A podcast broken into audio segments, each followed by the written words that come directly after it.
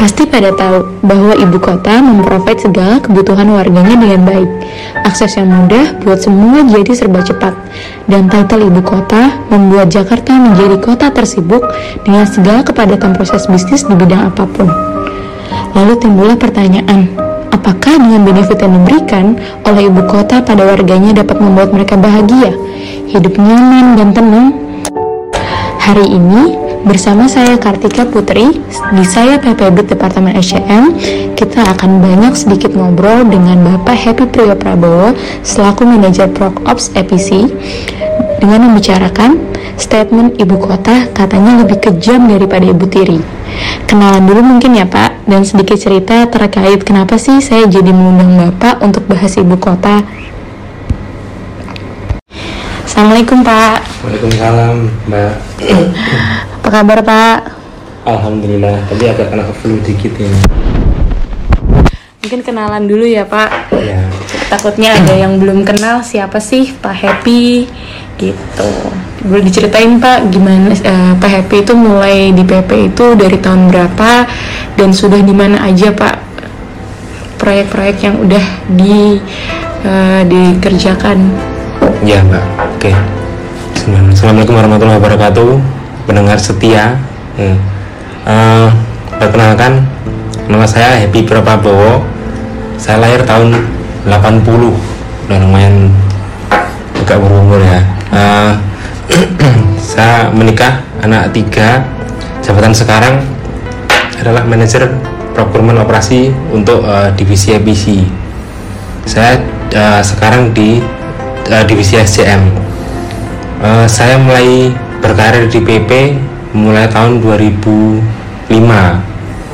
Eh, saya waktu itu langsung lulus kuliah, eh, agak nganggur sedikit, kurang lebih sekitar enam bulan.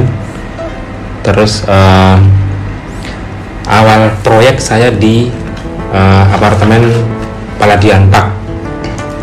Waktu itu PM-nya Pak Ruli Ruli Noviandar. di situ saya sebagai eh, engineer MA 2005 sampai 2006 saya di apartemen Paladian Park yang sekarang sudah dibeli PP Eh, waktu itu saya sebagai GS nya MA kemudian setelah itu saya di 2006 saya di proyek LNG Tangguh.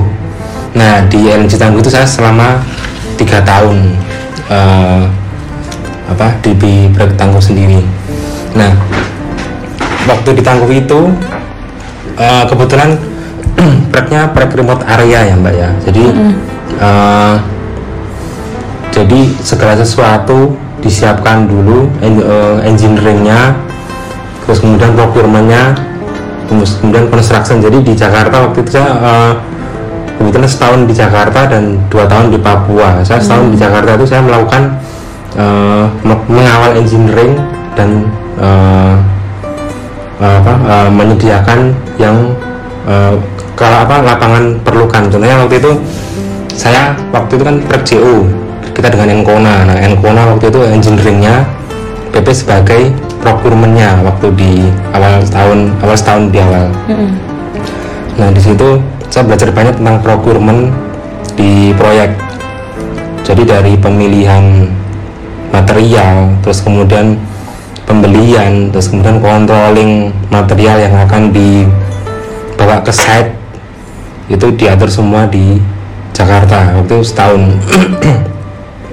Nah di situ berkecimpung banyak dengan procurementnya. Kemudian eh, saya waktu itu bersama dengan Bapak April itu som som saya. Nah eh, setelah di Jakarta setahun eh, material sudah banyak yang approve. Kemudian dikawal sampai dengan nanti eh, material di, eh, di deliver ke site. Kemudian saya di tahun kedua saya dipindah ke Papua selama dua tahun alhamdulillah.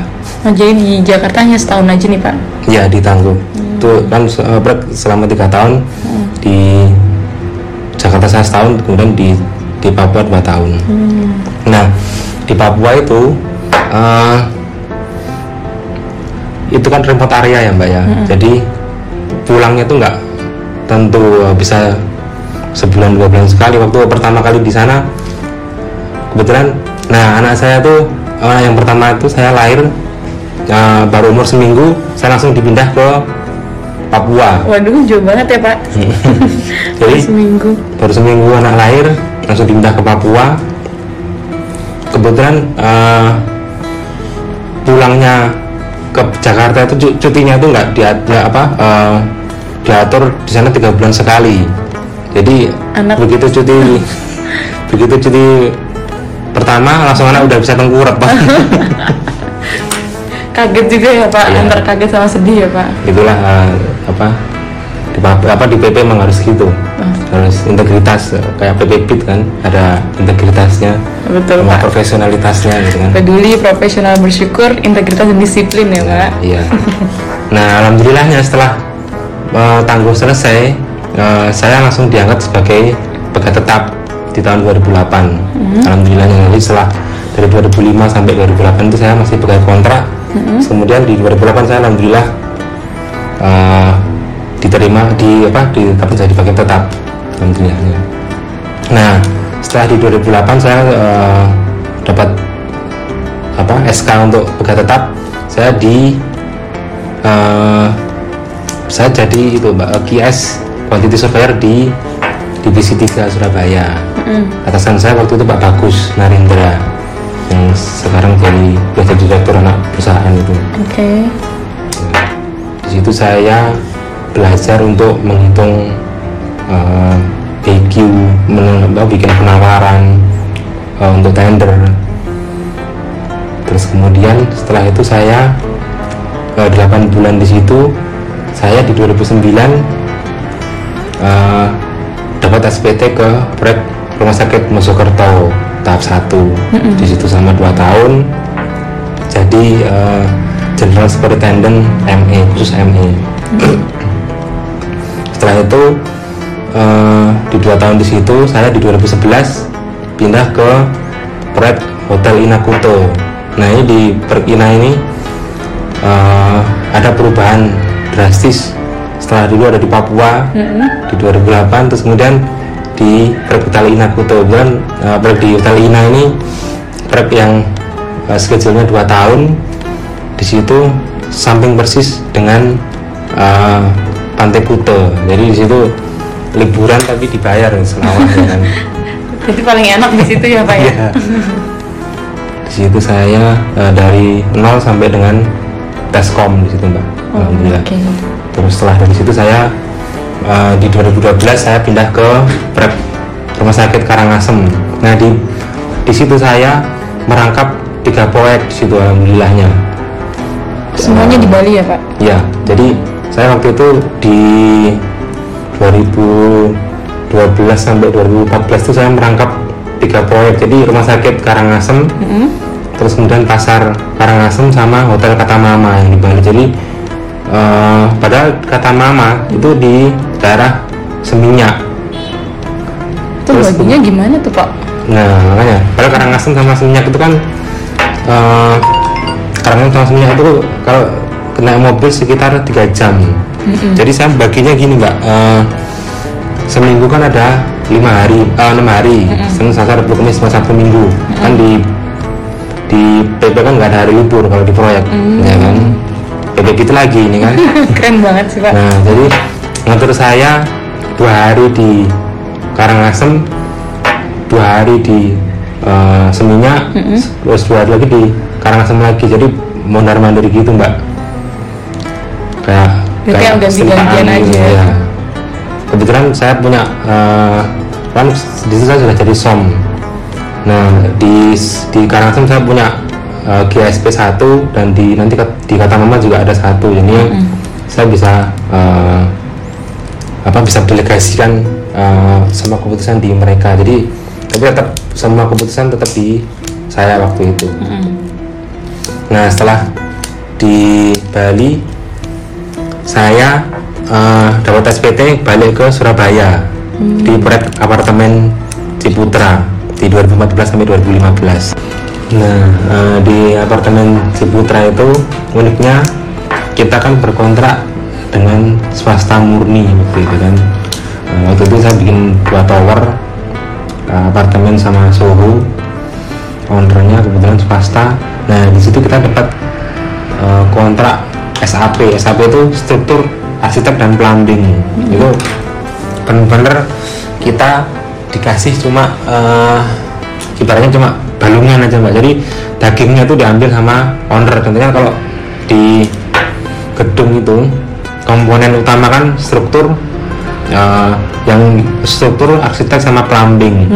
Kemudian eh, struktur memang dia ada dagingnya ya mbak tapi yang eh, ME kebetulan plumbing itu eh, hanya komponen apa eh, bisa dibilang dia eh, kerjaan yang susah aja gitu loh. Jadi PP cuma dapat kerjaan susahnya aja. Jadi eh, di situ kerjaan elektrikal yang dia eh, untungnya gede itu diambil alih oleh owner yang dia dan kita yang eh, waktu itu cuma dapat fee koordinasi yang nggak begitu besar waktu itu. Memang eh, kebetulan di situ apartemen Ciputra emang terkenal berrugi lah waktu itu. Tapi oke lah. Ini PP tercinta kan apa pun harus di di dilanjutkan kan. Ya, Pak. iya. Eh, di situ saya selama 8 bulan belum selesai di situ saya eh, dapat SPT lagi ke eh, divisi waktu itu saya sebagai purchasing manager Eh, dapat SPT di situ Masih di Surabaya ya Pak ya? Iya. Kebetulan dapat SPT untuk jadi purchasing manager di bawahnya langsung Ibu Upi waktu itu. Nah di situ saya sebagai purchasing manager eh, di khusus untuk anak mechanical electrical. Eh, di situ saya selama dua tahun. Kemudian di situ kerjaan saya apa? Di situ eh, sama seperti sekarang tapi uh, khusus untuk mechanical electrical. Dan dulu uh, menangani hanya untuk uh, yang under divisi 3 divisi 3 itu mana aja? Uh, dia lokasinya yang di uh, Jawa Tengah. Eh sorry Jawa Jawa Tengah Jawa Timur Kalimantan sampai dengan Papua nah di situ uh, ilmu procurement saya yang dulu di Papua uh, Sangat diperlukan ya. Pak. Iya.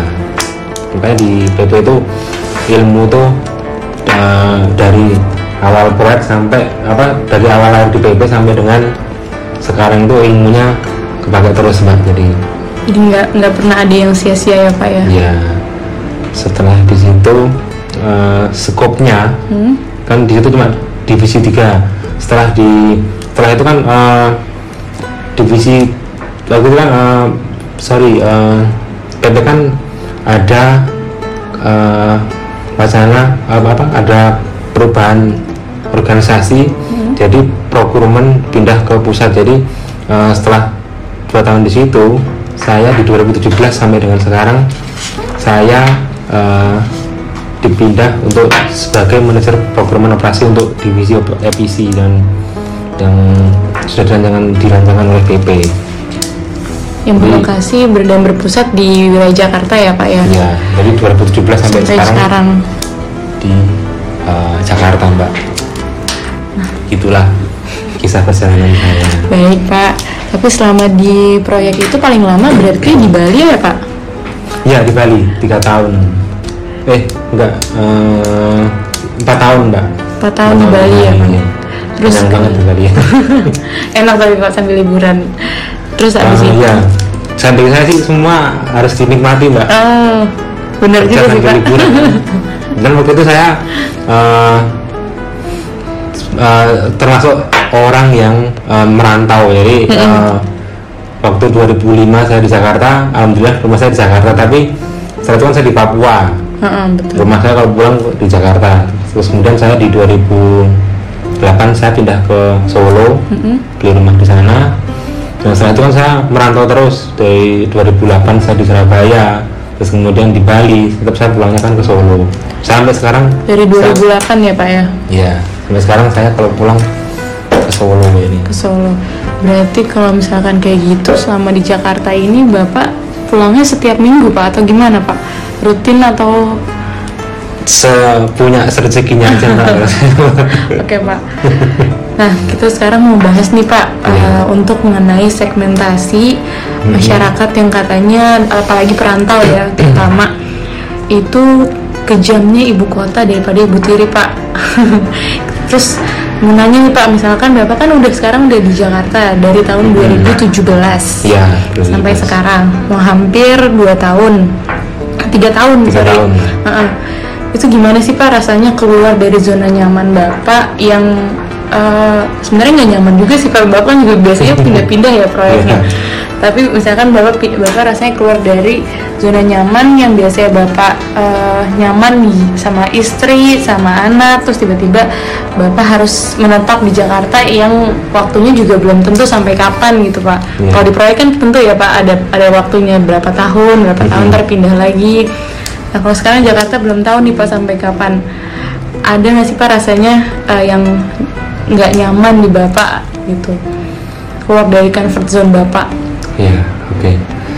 Jadi eh, dulu saya 2005 tuh sampai 2008 itu saya eh, ngontrak di Jakarta mbak waktu di apa apartemen pelatihan Pak yang awal tadi itu saya eh, tinggal di Jakarta selama 2 tahun sih, alhamdulillahnya. Nah eh, waktu itu tapi 2005 belum begitu eh, se ekstrim sekarang menurut saya ya di Jakarta itu. Terus kemudian saya pindah ke Solo. Nah, dan ini di 2017 saya Jakarta lagi. Sangat beda sekali, Mbak. Jadi eh, ketika saya pindah eh, tinggalnya di proyek kan di Bali, di Mojokerto, di Surabaya, terus kemudian di Jakarta, terus eh, perbedaannya sangat mencolok sekali.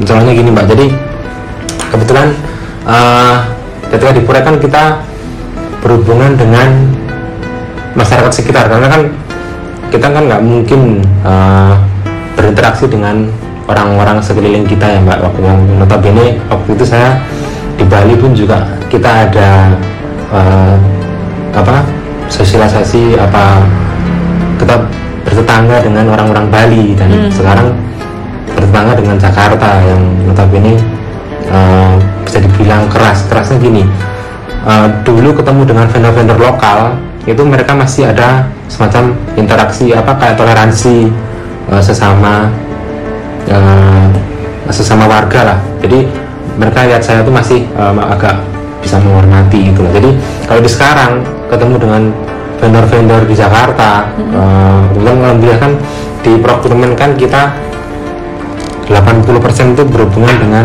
vendor. Vendor kan waktu negosiasi kemudian klarifikasi itu 80% nya kita dengan vendor dan eh, yang notabene mereka tinggal di Jakarta. Nah vendor-vendor di Jakarta tuh eh, mereka lebih profesional dan eh, menuntutnya itu seperti yang nggak kayak di toleransinya nggak kayak di waktu kita di Bali gitu mbak. Hmm. tahu nggak sih? Eh, bedanya memang sangat-sangat signifikan ya signifikan ya jadi toleransinya tuh benar-benar nggak begitu nggak begitu terasa ketika kita tinggal di daerah lah gitulah sangat terasa lah pokoknya mbak. Kan eh, apalagi eh, apa namanya eh, keluar saya kan kalau tiap hari kan mobiling. Jadi eh, berangkat ke kantor. Memang sih deket tapi di sini eh, macet lah. Terus kemudian eh, apa ya di kosan juga kebetulan saya kosnya kan eh, apa eh, sama tetangga sebelah itu sama kamar apa eh, tetangga kamar tuh nggak kenal gitu loh mbak. Nggak? Oh, nggak sama. selfish gitu. Heeh, berarti sama kayak yang vendor itu ya pak? Ya ditunjukkan dari vendor ternyata sosialnya juga di masyarakat sekitar kayak gitu sehari-hari ya? Iya, tapi apa itu ya di, tetap dinikmati aja. Mm-mm. Di Papua aja eh, betah dua tahun apalagi. tapi kalau di Papua sama di Jakarta itu orangnya lebih ramah di mana sih pak? Jadi di Papua dulu Mbak Prek saya tuh Prek internasional. Jadi eh, saya eh, bertemunya juga dengan berbagai macam suku dengan di luar negeri. Kalau dari luar negeri dari kan kan LNG kan proyek internasional. Jadi interaksinya juga dengan eh, orang-orang Jepang Oh, malah bukan Orang-orang- orang suku sananya asli ya? Enggak karena kan tangguh itu dia buka lahan di eh, hutan. Jadi dulunya hutan terus kemudian jadi proyek gitulah intinya. Pak. Ya jadi- tapi eh, di situ juga bukan cuma orang Jakarta juga ada. Tapi rata-rata sih orang daerah sih Mbak. dari orang Tegal orang eh, Makassar orang Manado.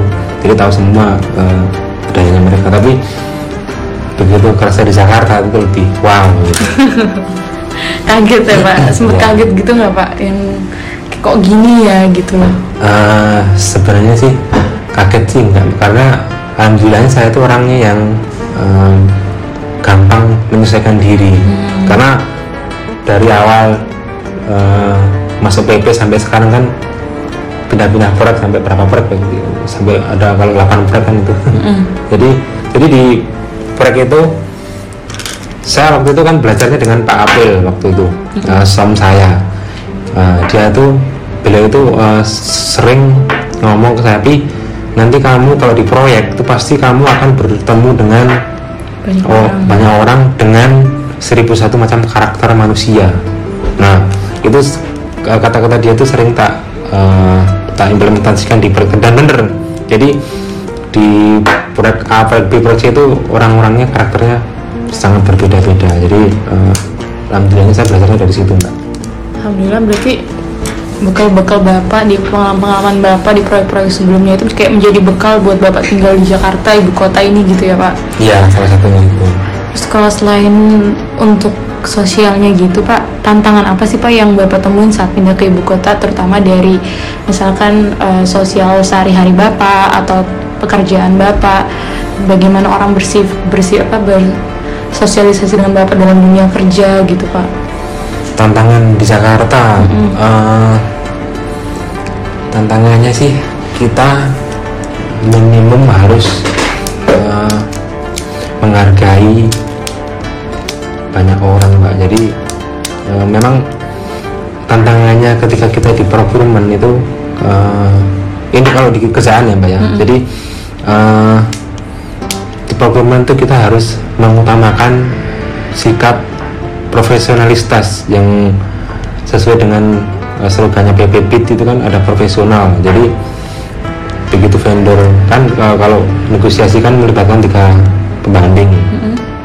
Nah kalau vendor A ini uh, yang dirasa cukup lebih perform ya ini kita pertahankan sampai uh, sampai pokoknya sesuai WI lah kita mbak. Jadi uh, vendor A ini yang menang ya ketika vendor B ini eh, event mereka mau ngadu ke direksi sekalipun ketika kalau dia metodenya udah nggak bener harganya udah mahal kita tetap harus pertahankan vendor A yang dia sesuai dengan requirement yang diinginkan sama proyek.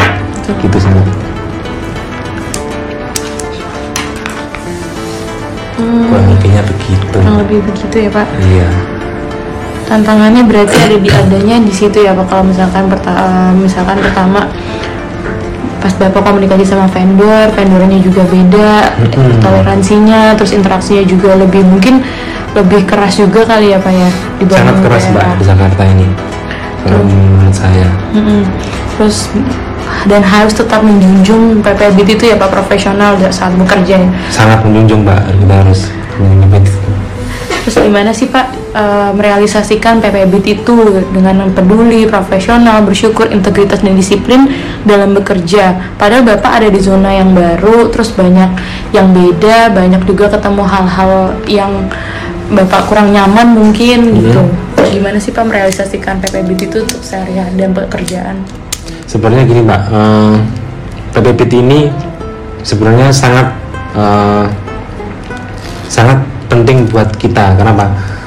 Eh, ketika kita bekerja itu kita harus sesuai WI kenapa gitu? Karena kalau kita sudah sesuai WI eh, kita bekerja pun sangat nyaman. Contohnya gini kita eh, di WI katakanlah kita mengat- mengatakan eh, evaluasi negosiasi harus ada tiga pembanding. Itu di WI seperti itu contohnya. Dan kita menjalankannya seperti itu. Dan ketika nanti kita uh, ada audit kan ketika, kalau procurement kan endingnya kan ketika dia ketika ada audit. Nah audit uh, audit itu pasti dia mengecek WI-nya WI-nya ada berapa pembanding sih gitu. Mm. jadi ketika kita sudah mengikuti WI dan kita sudah sama itu uh, kita sudah sesuai. Berarti uh, audit itu pasti uh, akan oke okay lah intinya jadi nggak ada masalah lah gitu mbak. Mm -hmm. jadi jadi uh, WI yang ada di PP online selama ini uh, kita harus jalankan. Jadi kita sangat aman untuk menjalani kerjaan kita. Jadi WI yang sekarang itu harus kita jalankan yang teguh ya pak ya, ya. di mana pun di berbagai lini bisnis ya. berbagai lini pekerjaan di PP ini gitu hmm. walaupun dalam kehidupan sehari-hari juga mungkin terpakai ya pak PP Bit itu sangat terpakai mbak jadi yang tadi bapak untuk mungkin bersosialisasi hmm. uh, berinteraksi dengan orang banyak dengan cara mereka yang baru cara mereka yang mungkin bapak kurang nyaman aku gini ya gitu ya ya betul ya pak Nah, Pak, kan dari tadi kita ngomongin nih uh, gimana kejamnya Jakarta. Nah, tapi pengen tahu nih Pak, siapa tahu Bapak merasakan keuntungan juga ataupun manfaat kalaupun tinggal di Jakarta ini selama berapa tahun ini Pak? Ada nggak sih Pak ngerasain oh untung banget nih atau bermanfaat banget nih sebenarnya saya tinggal di Jakarta gitu? Hmm. Ya, uh, cerita Jakarta ini cerita ini lah sinetron pak.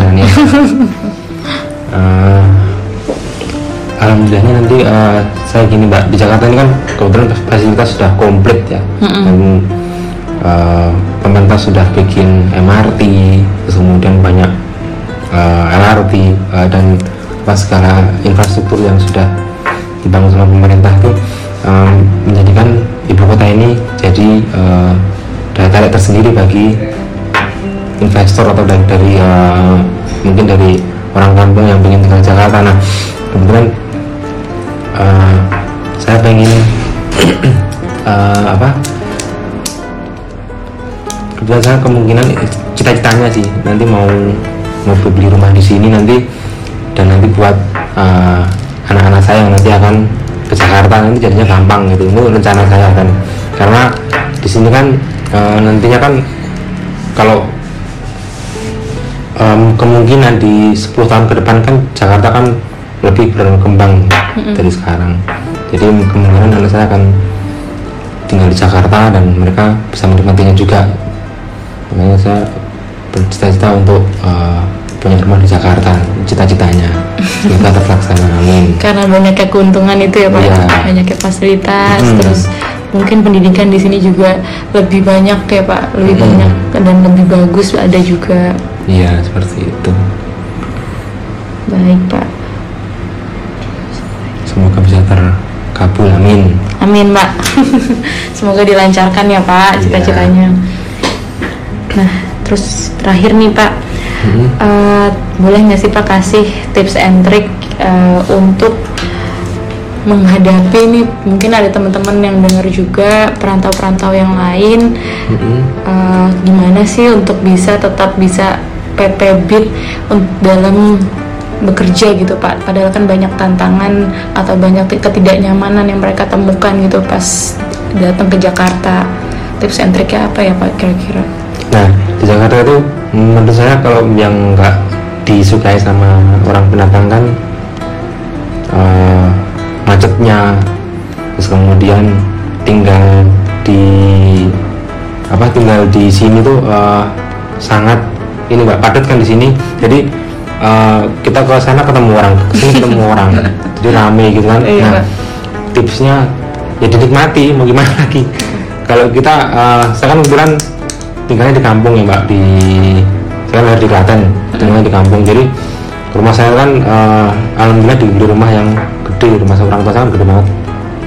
Uh, apa tetangga saya kenal semua. Ya di sini nggak ada yang kenal semua gitu kan. Hmm. nah uh, tipsnya ya kita kan kata kata Rasulullah kan kita harus baik sama tetangga hmm. ya kita harus apa nggak usah gengsi di sini ya kenalan-kenalan aja gitu mau toh juga kalau kita intinya kalau kita uh, baik sama mereka mereka juga baik akan akan baik sama kita juga gitu loh Mm-mm.